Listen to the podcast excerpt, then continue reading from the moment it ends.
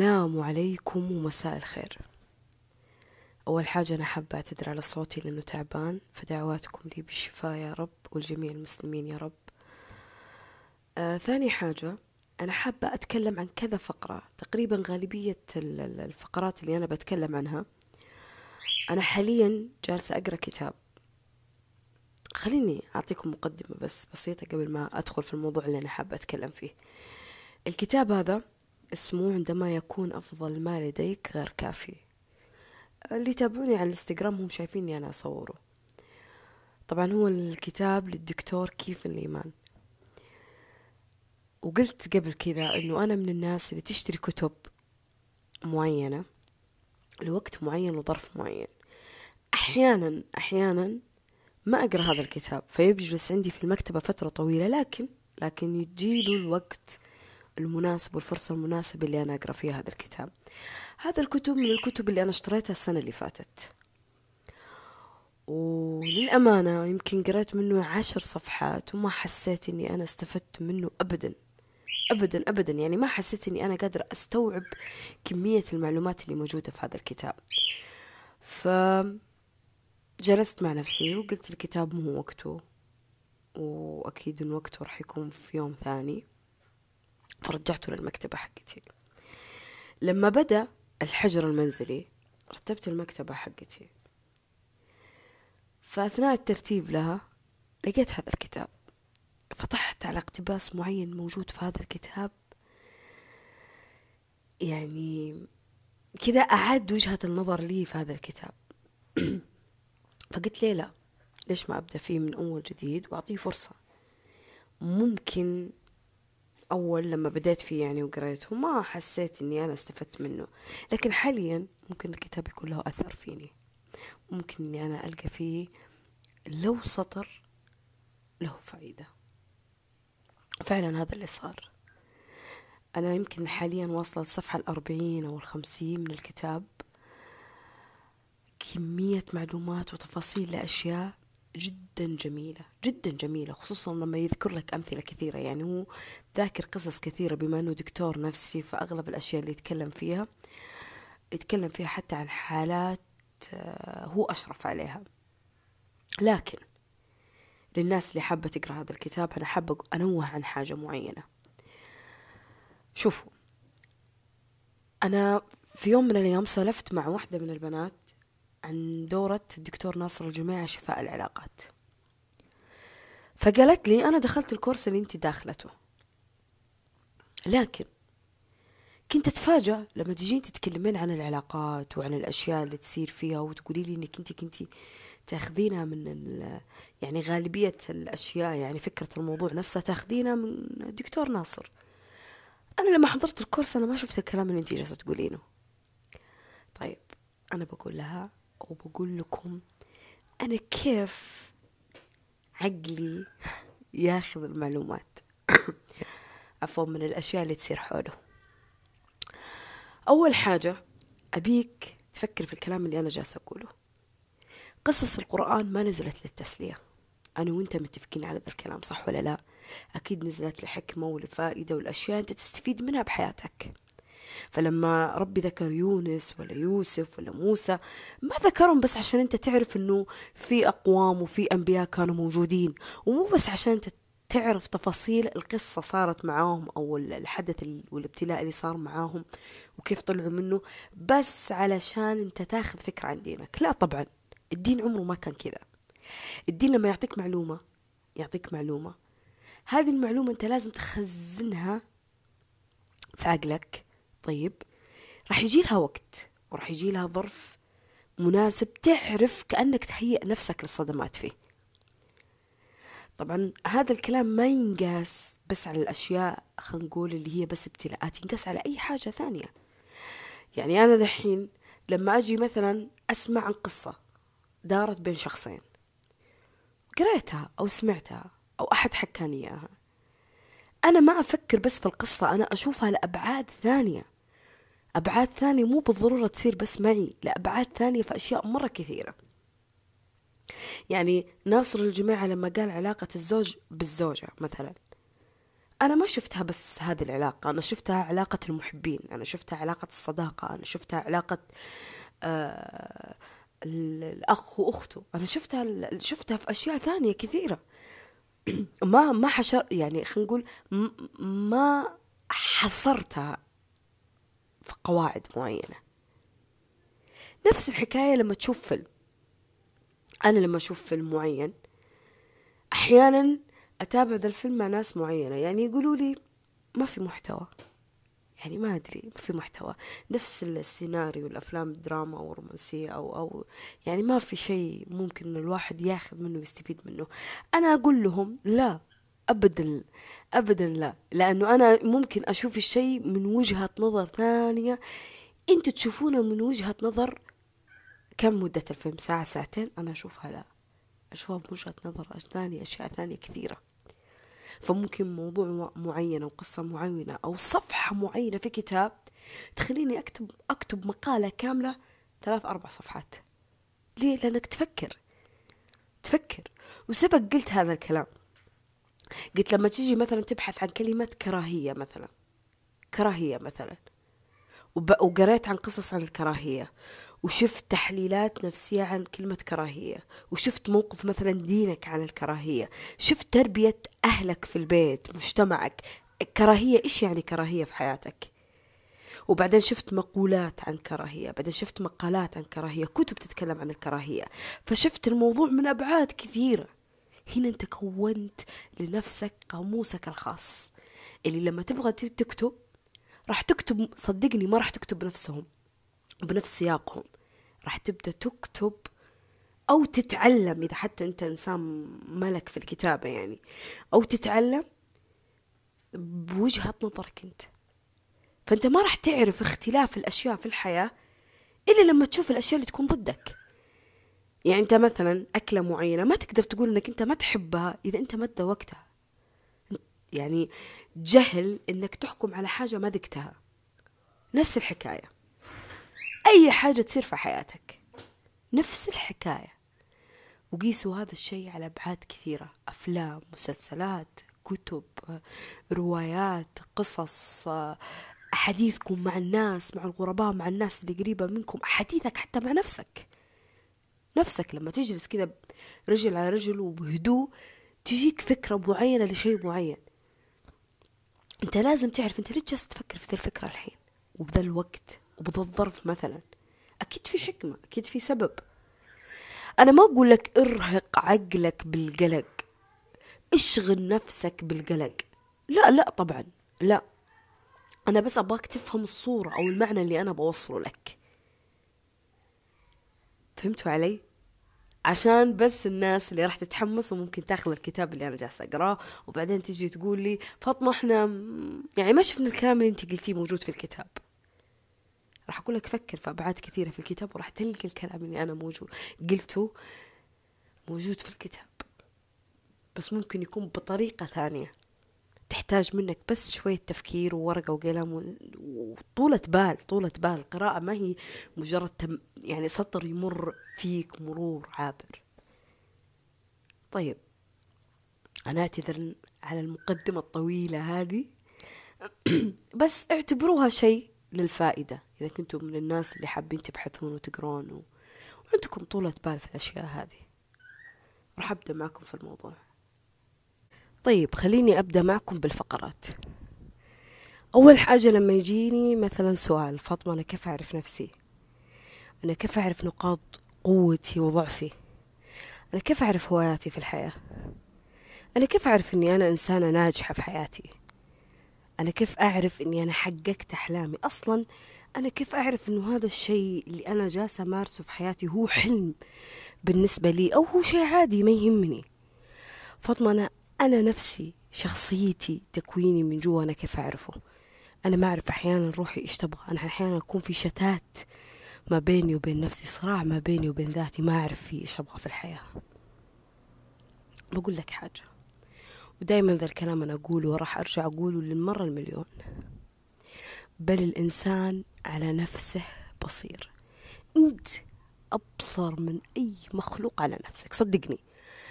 مهما كانت مستوى علاقتك في هذا الشخص من فهم إنه فاهمك وعارف روحك فمهما كان مستوى علاقتك في هذا الشخص قوية علاقتك فيه وقال لك أنا أفهمك أنا أعرفك أكثر من روحك أنا متوقع ردات فعلك أنا أعرف كيف أحتويك. صدقني صدقني أنت وحدك عارف إيش تبغى في حياتك. في النجاح الشغف القوة الضعف الموهبة السعادة أنت إيش تبغى؟ أنت تبغى تتكلم عن نفسك تبغى, تبغى تقول أنا أحب ذا الشيء أنا أكره ذا الشيء راح تعرفوا لما تعطي نفسك فرصة أنك تقدر تتحمل نفسك وتجلس فيها مع نفسك لحالك. عشان أنا ما أطلع قدامك إني أنا أقول كلام مبهم وواضح أو مو فاهمة. تقدر تتحمل نفسك وتجلس مع نفسك خلينا نقول يوم كامل أو ساعة ساعتين بدون أي مؤثرات خارجية لا مواقع تواصل أو مكالمة مع أصدقاء أو جلوسك مع أهلك. تقدر توصل لذي المرحلة؟ عمرك فكرت بالأفكار هذه اللي تيجي في راسك؟ ليش أصلا هي جالسة تيجي في راسك؟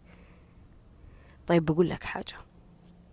الموهبة والشغف والنجاح والسعادة هذه أشياء تيجي مع الوقت. والله العظيم تيجي مع الوقت. يعني مثلا خليني أعطيك مثال بسيط.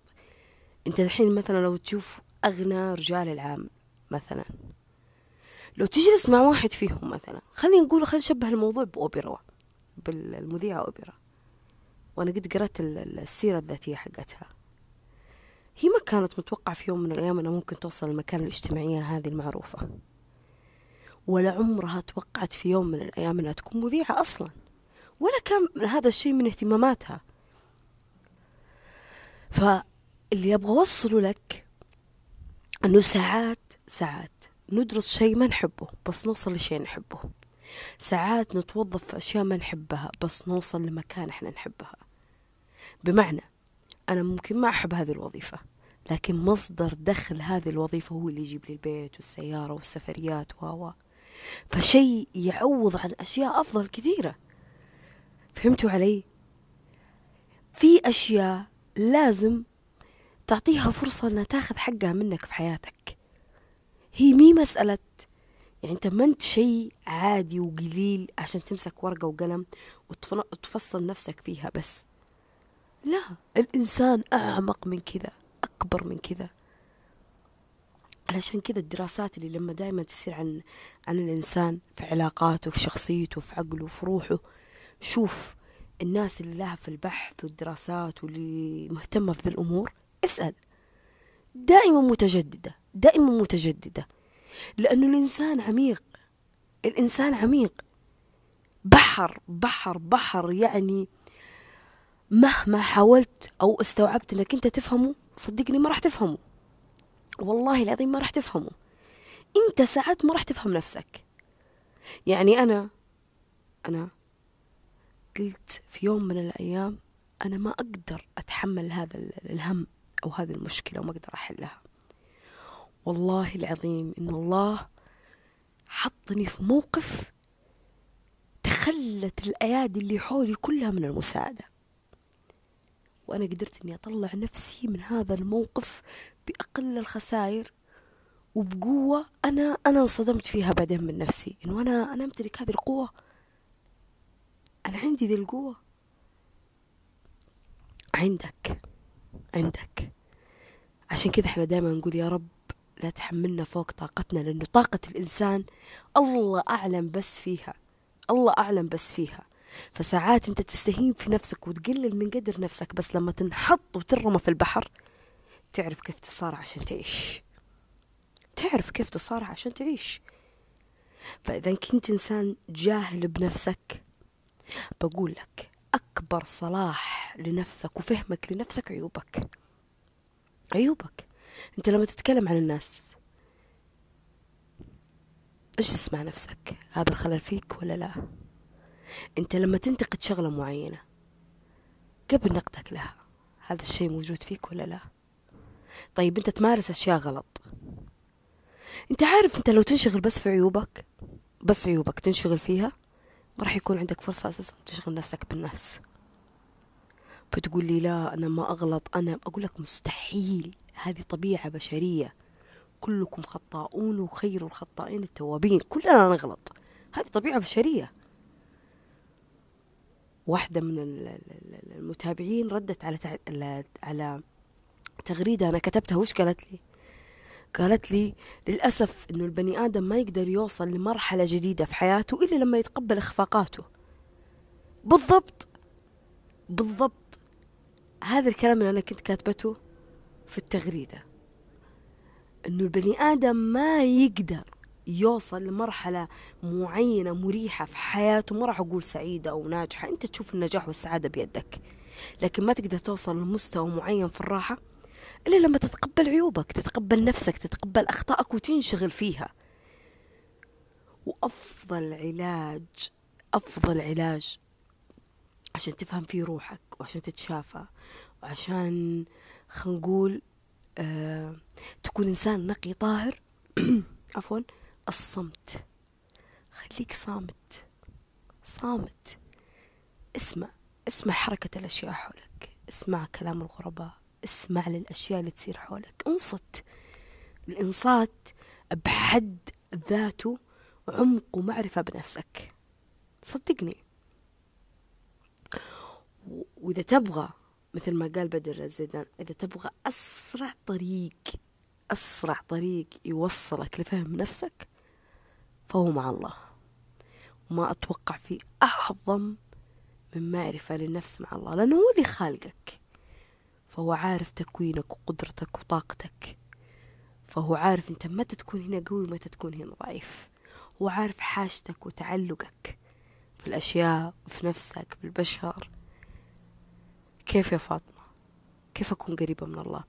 تخليك قريب من الله.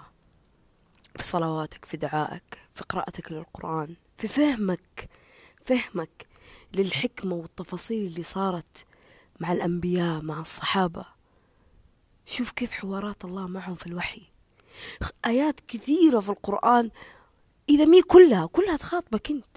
أنت نفسك أنت روحك أنت. فصدقني مهما كان مستواك التعليمي عالي مهما كان ثق تماما. لو أنت بعيد عن الله نسوا الله فأنساهم أنفسهم. أنت بعيد عن الله راح تعرف نفسك وراح تظل جاهل وراح تظل تبحث عن نفسك عند الناس. تحليل الشخصيات و... والدجل والأشياء هذه. ليش؟ لأنك ما راح تكون فاهم نفسك. أنت ما أنت عارف إيش تبغى بالضبط.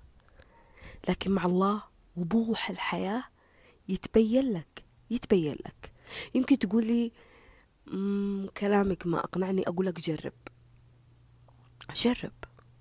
ما راح تكون خسران حاجة. جرب. وشوف كيف راح توصل لمرحلة تفهم فيها نفسك طيب وراح تكون فيها راضي عن نفسك. فأنت مستحيل تفهم إيش يعني لطيف وخبير وحفيظ وسميع. إذا أنت أساسا أساسا ما استشعرت الشيء وما عرفتيه بنفسك أنت أنت بنفسك. فهذا أول حاجة. تعرفين نفسك كيف؟ مع الله. طيب؟ تتجاهلين وجود الله؟ الله ينساك. نسوا الله فأنساهم أنفسهم باختصار. طيب ثاني حاجة أبي أقول لك. لو كنت إنسان عندك فشل متكرر لأشياء معينة في حياتك في شيء معين في حياتك أنت جالس تفشل فيه وكل مرة أنت تمارس هذا الشيء. في كل مرة أنت تسوي هذا الفشل جالس يستمر معك. الأعذار الأعذار في كل مرة راح تكون خلينا نقول جديدة. راح تكون مبدع في خلق أعذار لنفسك. صدقني وهذه طبيعة الإنسان. أنه لما يفشل في شغلة معينة يعرف يخلق لنفسه عذر عشان ما يرجع يكررها. خلاص ويأس من المحاولة فأنا أعطيك عذر. الحظ الواسطة أنا ما أقدر هم أفضل مني. لكن أنا ما أعطي نفسي القوة والقدرة إني أنا أجرب ذا الشيء مرة ثانية. فأحيانا إحنا نبرر سلوك تصرفاتنا. طيب فأعذار ما لها قيمة ما لها معنى. كيف يعني يا فاطمة؟ أنا راح أقول لك. يعني إخلاق أخلاقيا أخلاقيا وفطرتك أنت مبنية على إيش؟ على الإسلام. على الدين صح ولا لا؟ أنت إنسان مسلم. ففطرتك أساسا مبنية على الدين وعلى الإسلام. طيب أنت لما تسوي شيء في كل مرة أنت تفشل فيه يناقض خلينا نقول دينك وأخلاقك. وإنك لعلى خلق عظيم. الله مدح الرسول على أخلاقه. فأنت تجي من باب خلينا نقول الأخلاق والإنسانية تسوي شيء يعكس يعكس طبيعتك كإنسان. يعكس الدين اللي أنت خلينا نقول تربيت عليه فطرتك الأساسية في الحياة. لما توصل لذي المرحلة أنت توصل لمرحلة أنك تكون فيها تناقض نفسك. كيف أناقض نفسي. يعني الشيء ذا راح يفشل مو لأنك أنت ما عرفت تنجزه مو لأنك ما لقيت له حل. لا لأنك أصلا أصلا ما أنت مقتنع فيه من الداخل. ما أنت مقتنع فيه. فقناعتك أو نسبة قناعتك في هذا الشيء قليلة جدا جدا قليلة. فأنت ناقضت في سلوكك كذا أخلاقك وفطرتك. تبيني أعطيك مثال؟ أنا بعطيك مثال بسيط. مثلا واحدة تيجي تقول لي والله يا فاطمة أنا ماني قادرة ألقى حب صادق في الحياة. أصلا كل الرجال خونة. أصلا كل الرجال ما هم موافين. أصلا أصلا أصلا. ليه؟ هي بنت ذا الاعتقاد بناء على بناء على علاقات فاشلة دخلت فيها في حياتها. فعلى أساس فشلها في ذي العلاقات خلاها تحكم على علاقات الشباب بشكل عام.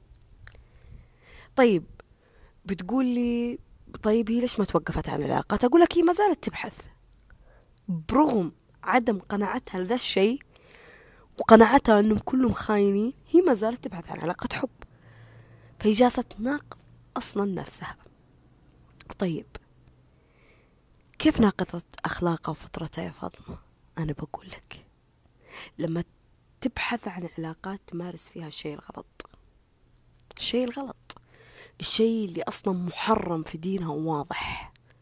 فهي أساسا النوايا لاتجاه هذه العلاقة ما هي واضحة ولا ولا هي حلال. نوايا حرام. نوايا غلط. صدقني مستحيل راح تبقى على علاقة واحدة. نفس الحكاية. هذا الشيء ينطبق على الشباب. مستحيل في علاقة محرمة غلط جالسة تتمارس هذه العلاقة بطريقة آه، غلط إنه يستمر على هذه البنت. ليه يا فاطمة؟ ابعدوا عنكم الحب النظيف والطاهر اللي قصده زواج فيه. أنا ما أتكلم عن ذا أنا أتكلم عن الفئة اللي تمارس علاقات حرام. هم فاشلين في العلاقات هذه. ليش؟ لأنهم يناقضون فطرتهم وأخلاقهم من جوا. الدين وأخلاقهم وفطرتهم من جوا. عارفين عارفين إنه غلط وحرام وعيب ومفروض إنه ما هذا الشيء ما يصير. لكن هو جالس يقنع نفسه أو هي جالسة تقنع نفسها إنه هذه الموضة وهذا الشيء الأفضل وهذا الشيء الصح وإنه إحنا متطورين وهذا التطور. فعلشان كذا لما يجي الموضوع هذا يجي الموضوع هذا حق العلاقات لأقرب حاجة عند البيت حق الشخص نفسه لأخته لأخوها لأختها. تتولع ممكن كبريت النار. ليه؟ لأنه عارف أنه غلط. وهي عارفة أنه غلط فما ترضى أنه هذا الشيء يصير في البيت غير منها هي يصير هذا الغلط. عرفتوا كيف؟ هذا أبسط مثال لأشياء تتكرر في حياتك غلط. إذا في شيء في حياتك أنت جالس تفشل فيه كثير وما أنت قادر تحققه أو ما أنت قادر تنجزه شوف نيتك اتجاه هذا الشيء. ثاني حاجة شوف هذا الشيء. هو صح ولا غلط؟ هو أنت مقتنع فيه أنه صح ولا غلط؟ إذا متمسك فيه ليه متمسك فيه؟ وإذا تبغاه ليش أصلا أنت تبغاه؟ هنا راح تفهم نفسك صدقني.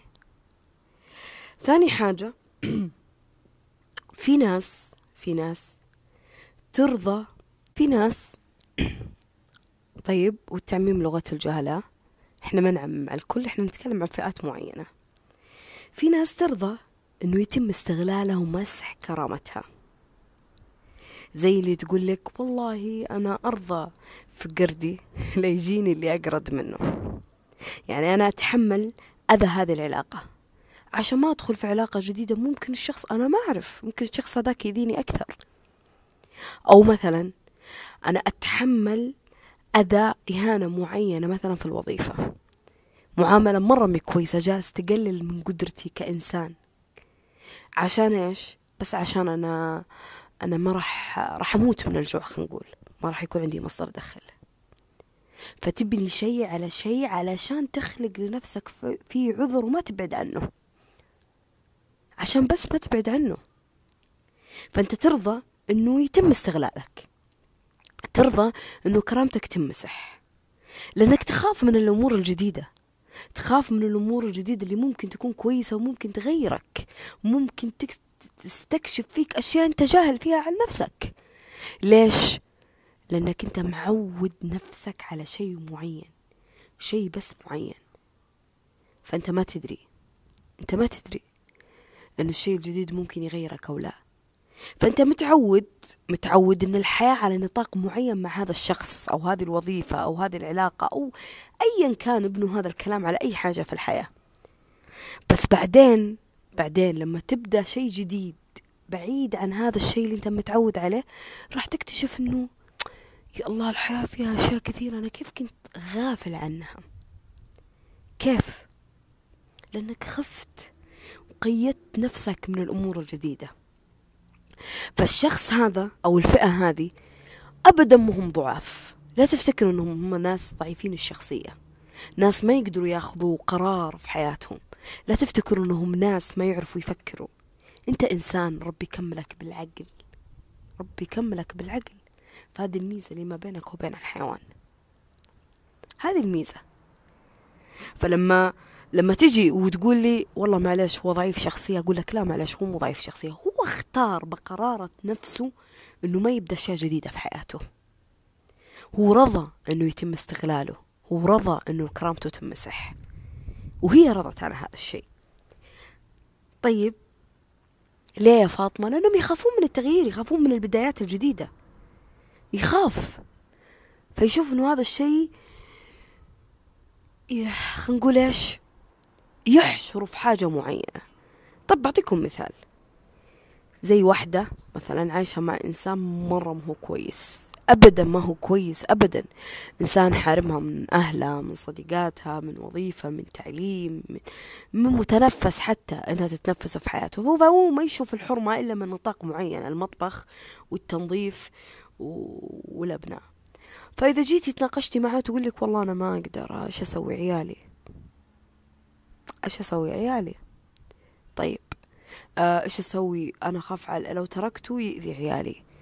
إيش أسوي؟ أنا أخاف ياخذ مني عيالي. بتقول لي والله هي ضعيفة شخصية. ما هي عارفة تأخذ موقف. أقول لك لا هي مي ضعيفة شخصية. هي أخذت موقف موقف وأخذت قرار. وشو قرارها؟ إنها تظل معاه إنها تتحمله. فكونك إنك تتحمل عمل أو شغ أو, أو علاقة أو إنسان أو أي حاجة تتحملها في حياتك أنت ما تحبها فأنت أخذت قرار نابع من جواك أنك أنت تستمر في تحمل هذا الشيء. فالبني آدم يتكيف على صبر الأشياء اللي هو يبغاها اللي هو يبغاها صدقني.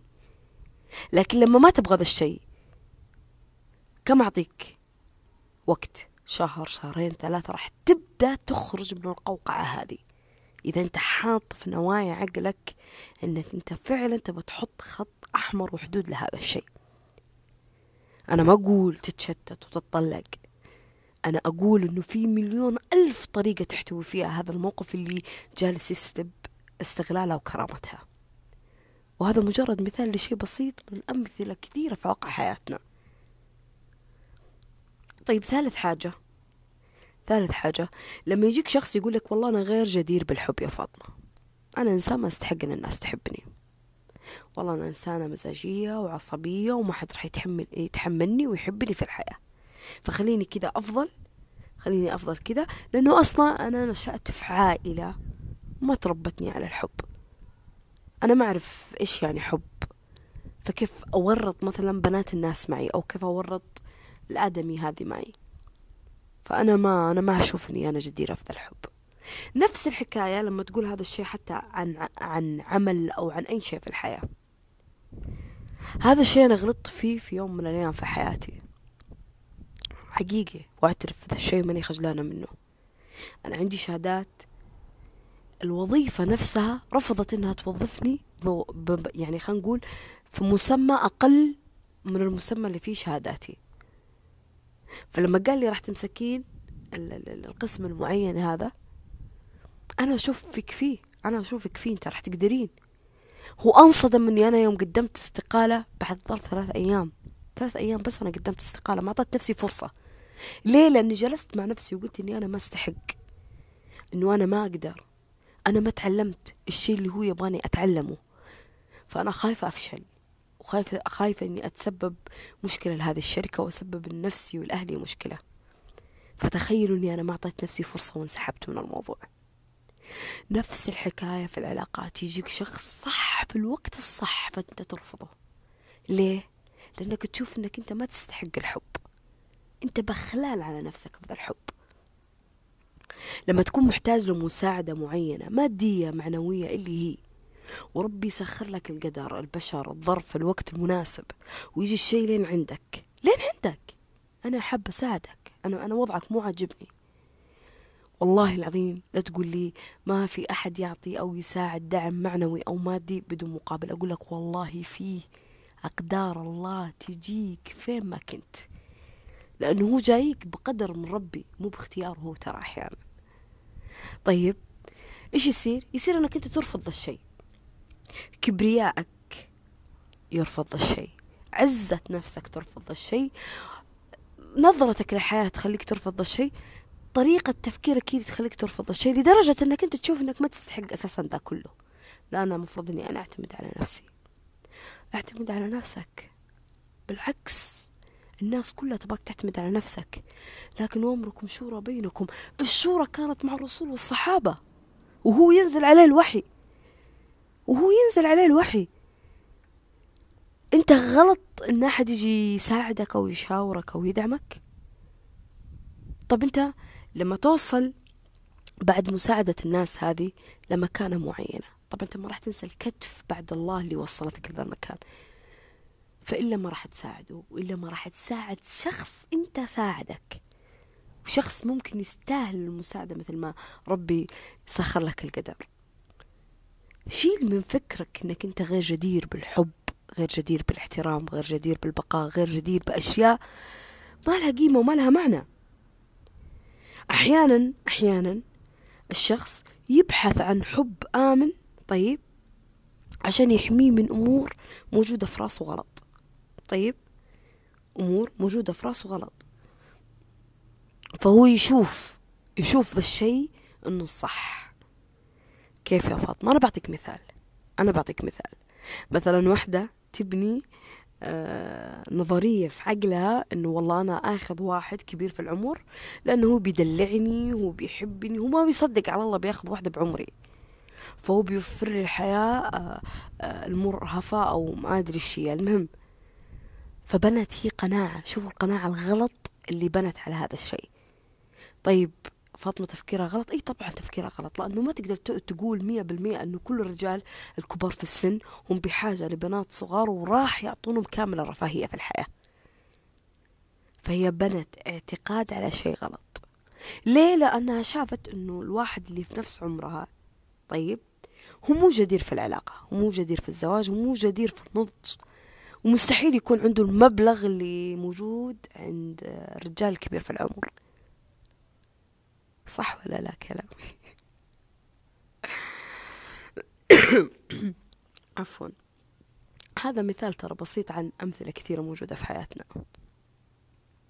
طيب من الأشياء كمان اللي بتكلم عنها بحثك عن نفسك في أحد معين. أنت فهمت نفسك أول نقطة قلتها أنه معرفتك معرفتك في ذاتك أو نفسك. طيب لما تبحث عن نفسك في أحد معين كيف يا فاطمة؟ يعني مثلا نقصك نقصك لشيء معين تبحث كماله في شخص معين. هذا غلط. هذا غلط. لما تبحث عن عن حاجة تقارن فيها ما بين نفسك وما بين الناس. هذا غلط وأكبر غلط وحتى أحيانا يصير على أقرب مثال الأخوان في بيت واحد. الأخوان في بيت واحد. لما أجي أقارن أخ عن أخوه هو أفضل منك دراسيا هو أفضل منك تفكير هو أفضل منك بإدارة حياته. المقارنة شيء غلط وبحثك عن نفسك في أحد معين شيء غلط. إنت لك كيانك لك شخصيتك لك رأيك لك حقوقك لك استقلالي استقلاليتك في الحياة. هو نفس الحكاية. فانتم موجودين مع بعض تكملوا بعض لجانب معين في الحياة. لكن هو مو هو نص الحياة ترى. هو مو نص الحياة هو مو معناه إنه الحياة هي بتتوقف على هذا الشيء. يعني مبدأ مبدأ إنه إنه إنه الزواج الزواج هو نص الحياة أو حاجة زي كذا. هو كذا كلام كان ينقال. أنا اشوفه شيء غلط. لأنه أنا شخصيا أعرف وحدة أتمت الخمسة وأربعين سنة ربي ما كتب لها نصيب. هي ما هي ما هي رافضة فكرة الزواج لكن ربي ما كتب لها قدرها ونصيبها.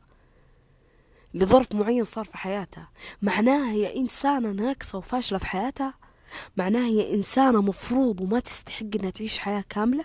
لا طبعا. لا طبعا. لا. هذا الشيء اللي أنا باك تفهمه. إنك أنت لما ترتبط في علاقة معينة علاقة معينة أو تدخل وظيفة معينة أو تتكلم مع شخص معين أو لما تبحث وتقرأ وتسمع وتشوف شخص معين أنت لك كيانك لك شخصيتك لك استقلاليتك. ما تقارن نفسك فيه. وهو له كيانه له شخصيته. أنا ممكن أستفيد منك. شيء حلو. بس إذا ناقضت فكري ناقضت الشيء اللي أنا تربيت عليه الشيء اللي أنا أحبه الشيء اللي أنا أبغاه ما تأثر فيني. ما تأثر فيني. يعني أنا جتني فترة مثلا كنت أقرأ في كتب المسيح. وكنت أشوف الكلام حقهم هذا عرفتولي والأغاني حقتهم اللي في الكنائس. لدرجة أنه كانوا صديقاتي من باب الطقطقة يعني والمسح أنه أنت راح تلحدين في يوم من الأيام. ليش ألحد؟ طب أنا أنا حتى لو انولدت على فترة الإسلام اقروا كتاب أقوى مقيلة مرة جميل. راح تفهم وتقارن دينك بين الأديان كلها. فأنا فأنا في الإسلام لأني رضيت بالله ربا.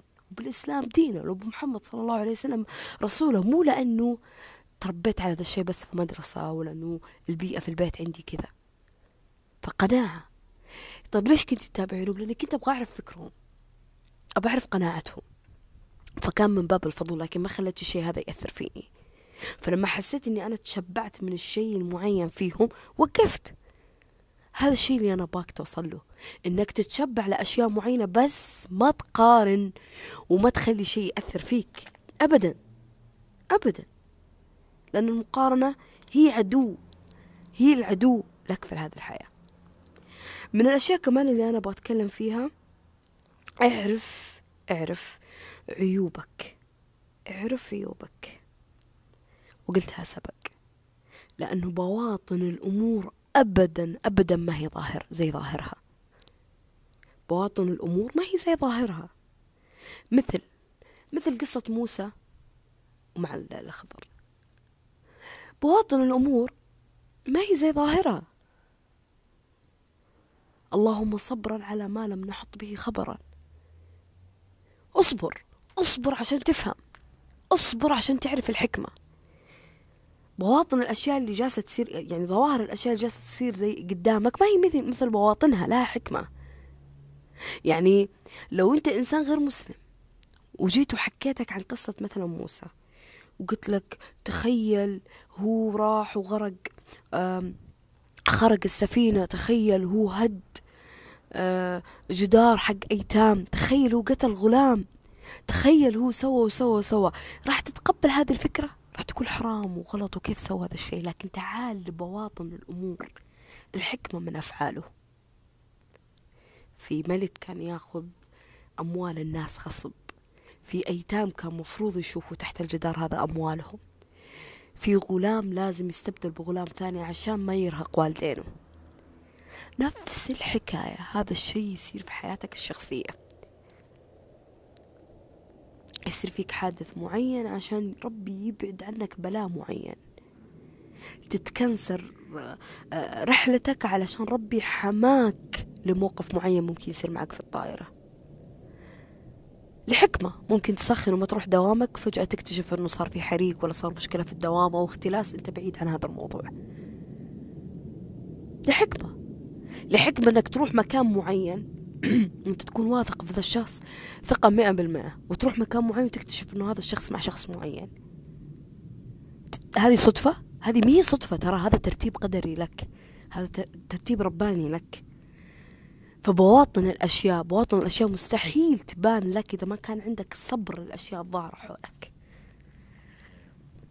كل شيء يصير معك حكمة من لما تصبحي لما تمسى كل شيء يصير معك لحكمة والغاية. لازم تفهمها. طيب. عيش اللحظة. أرجوك عيش اللحظة. أنا في واحدة من البنات. والله العظيم أنا انعجبت بطريقة تفاصيل حياتها في عيش اللحظة. يمكن هي ما تدري هذا الكلام أو ما قد أنا صرحت فيه في هذا الشيء لها. يعني أنه طريقة تفكيرك في عيش اللحظة مرة عميق بس يمكن تشوفين روتين حياة شيء جزء منك بس أنا أشوفه شيء عميق. لأني أنا أنا حاليا أعيش أحيانا في تشتت. ماني قادرة أعيش اللحظة لشيء معين. فعيش اللحظة عيش اللحظة شيء مهم هي عودت نفسها عليه هي تقول لي أنا صمت شهر شهرين لمواقف صارت في حياتي مو من فراغ. مو من فراغ يا فاطمة. فتعلمت كيف أصمت. تعلمت إني أنا ما أتكلم في النقاشات وما أعطي رأيي لأي حاجة. لأنه صارت مواقف كثيرة هي وصلتني لهذا الشيء. تعلمت أني أنا لما أجلس مع شخص معين أنا أشوف أنه الجوال مو مهم. أنا أشوف أنه الجوال مو مهم إلا للضرورة. لو جاني اتصال معين ولا مسج معين أنا مضطر أني أنا أرد عليه. أنا تعلمت أني أنا لما أشغل فيلم معين أنسجم فيه من بداية الفيلم لنهايته. أنا كيف أشغل فيلم وأجلس أسولف أو أجلس على جوالي؟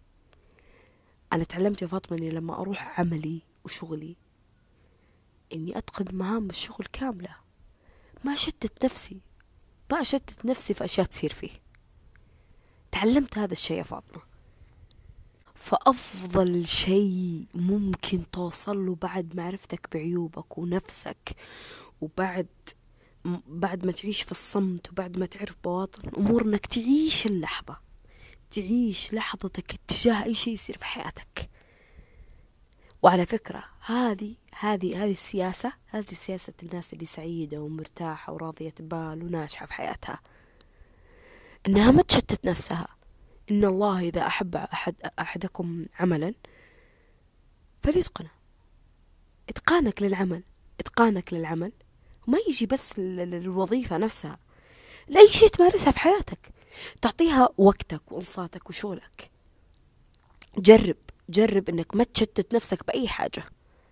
على فكرة أنا أنا جتني فترة كنت أشتت نفسي في أمور مرة كثيرة. يمكن حاليا أنا باقي ما زلت في التشتت ذا لكن جالسة أسعى أسعى خصوصا حاليا الحين مع الحجر المنزلي إنه أنا أفك التشتت ذا.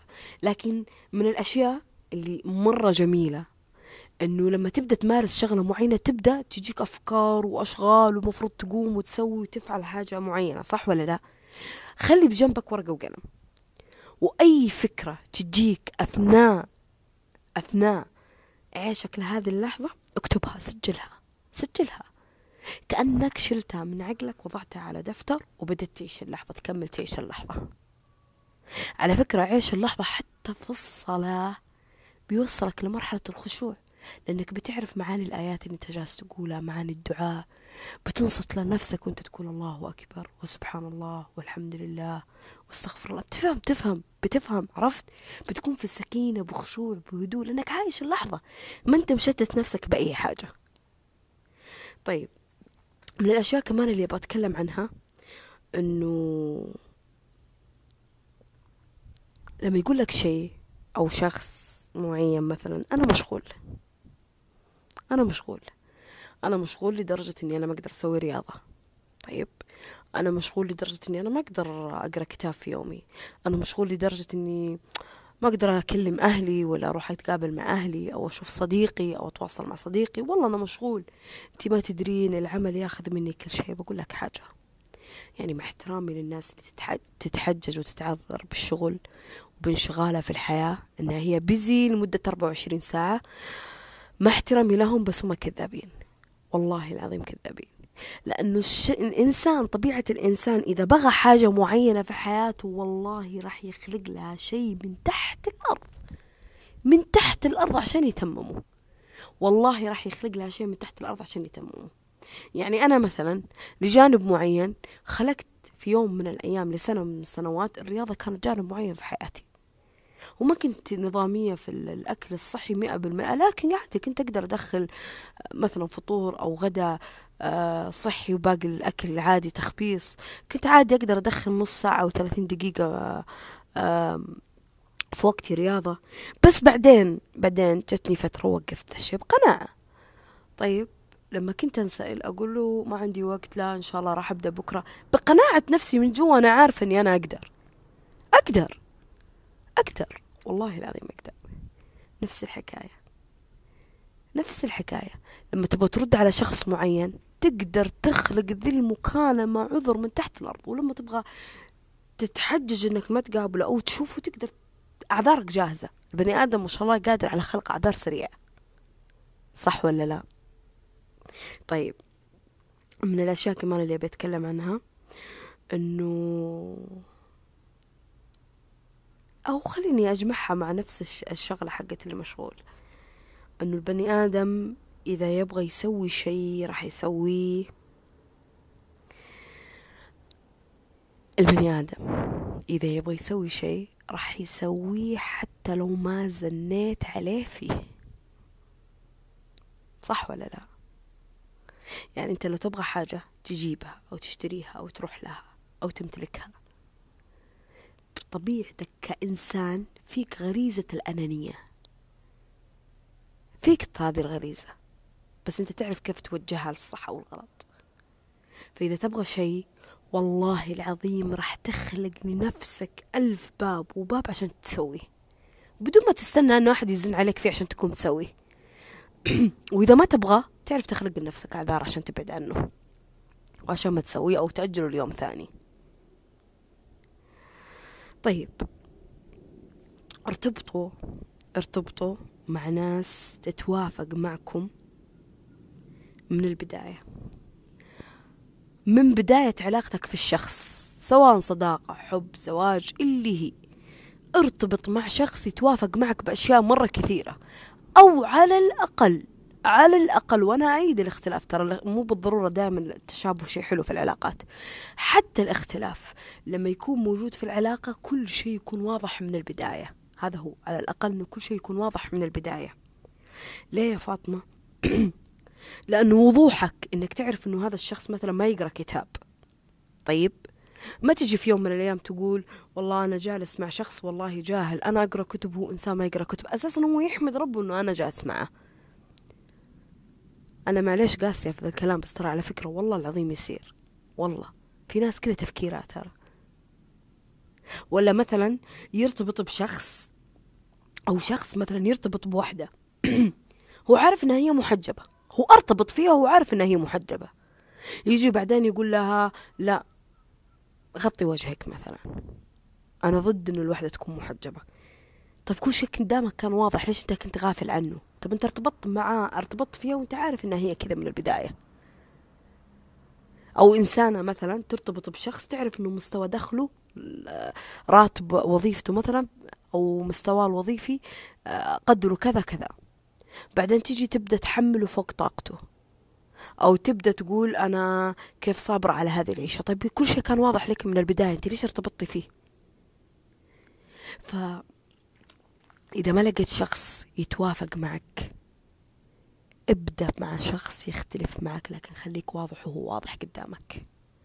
الوضوح هو اللي يخلي العلاقات تدوم. مو الاتفاق ترى ومو الاختلاف. الوضوح أنت واف وأنت واضح. أنت واضح. لا معلش ما تقدر تجبرني على الأكلة هذه. أنا ما أحبها. أنا واضح معك من البداية. ما أفرض عليك شيء أنت ما تحبه. فهمتوا علي؟ طيب. كمان من الأشياء اللي بتكم آه، أتكلم عنها. تقبل النقاش. تقبل النقاش. لا تصير مثل اللي هو يتقبل وجهات النظر. يقول أنا أتقبل وجهات النظر. طيب. ولما يبدأ يسمع رأي الناس يوصل الموضوع للمحاكم.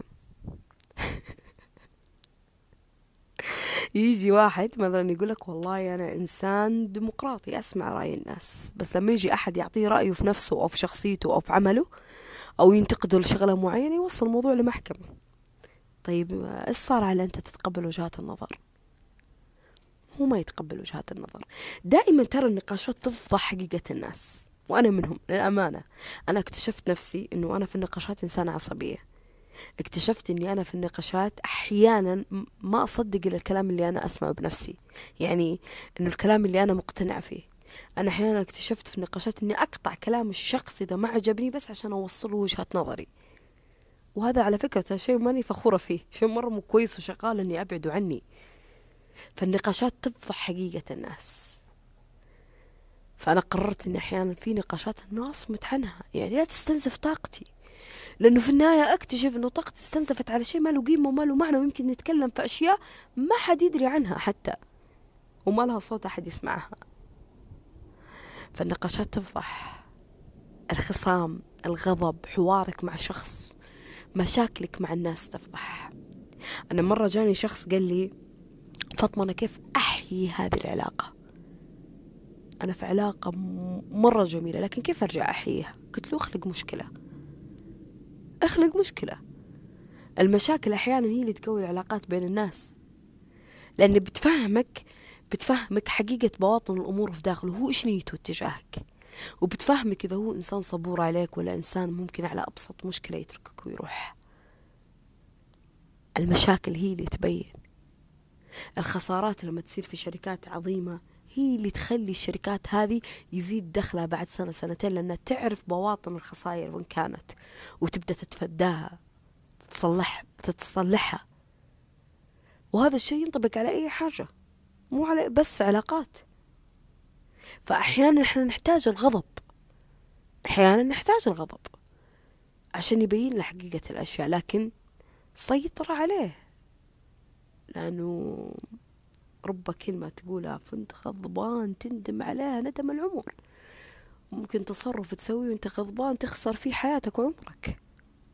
لازم تعرف كيف تدير نفسك أثناء النقاشات أثناء الغضب أثناء الزعل أثناء المشاكل. تعرف متى ترخي ومتى تشد. لازم تعرف ذا الشيء. ومتى تكون متواجد ومتى تنسحب عن هذا الشيء. يعني قلت لها قلت لها لواحدة من صديقاتي يا أخي أنت ما أدري كيف طريقة تفكيرك. إذا بتظلين تتكلمين على أنه كل شيء عندك عادي وما يهم أنت اخترتي ذا الشيء سويه راح تخسرين ترى أشياء كثيرة في حياتك. أحيانا لازم تتمسكين تبينين تمسكك في الشخص عشان يبقى معك. تدري إيش قالت لي؟ قالت لي لا يا فاطمة أنا أتدخل. أنا أتدخل وأعرف متى أتمسك بهذا الشخص. قلت لها متى؟ قالت لي في أوقات أعرف أن الموضوع يستحق أني أنا أتدخل فيه وراح أتدخل فيه. لكن في أشياء عادية ما راح أتدخل فيه راح أقول له هذا قررت نفسك يلا تحمل مسؤولية هذا القرار وسويه للأمانة هذا التفكير عجبني. صح ولا لا؟ طيب آخر حاجة أختم فيها هذا الكلام. أو هذا الحوار العميق. القلق. يا فاطمة أنا عايشة بقلق. أنا أسوي كل اللي قلتيه بس أنا إنسانة ضعيفة أحس بالضعف ما عندي ثقة بنفسي أحس بالقلق. أنا أحس نفسي صغيرة أو أنتقص في نفسي قدام الناس. أو أحس إنه الناس أقوى مني شخصية أنا أحس بقلق. أنا قلق قلق على يعني عندي قلق على رزقي على مالي على علاقاتي على الناس اللي في حياتي على أهلي. أنا عندي قلق حتى على المستقبل اللي باقي ما عشته. إيش راح يصير فيه؟ والله أنا عندي قلق حتى على يومي على ساعتي إيش راح يصير فيها.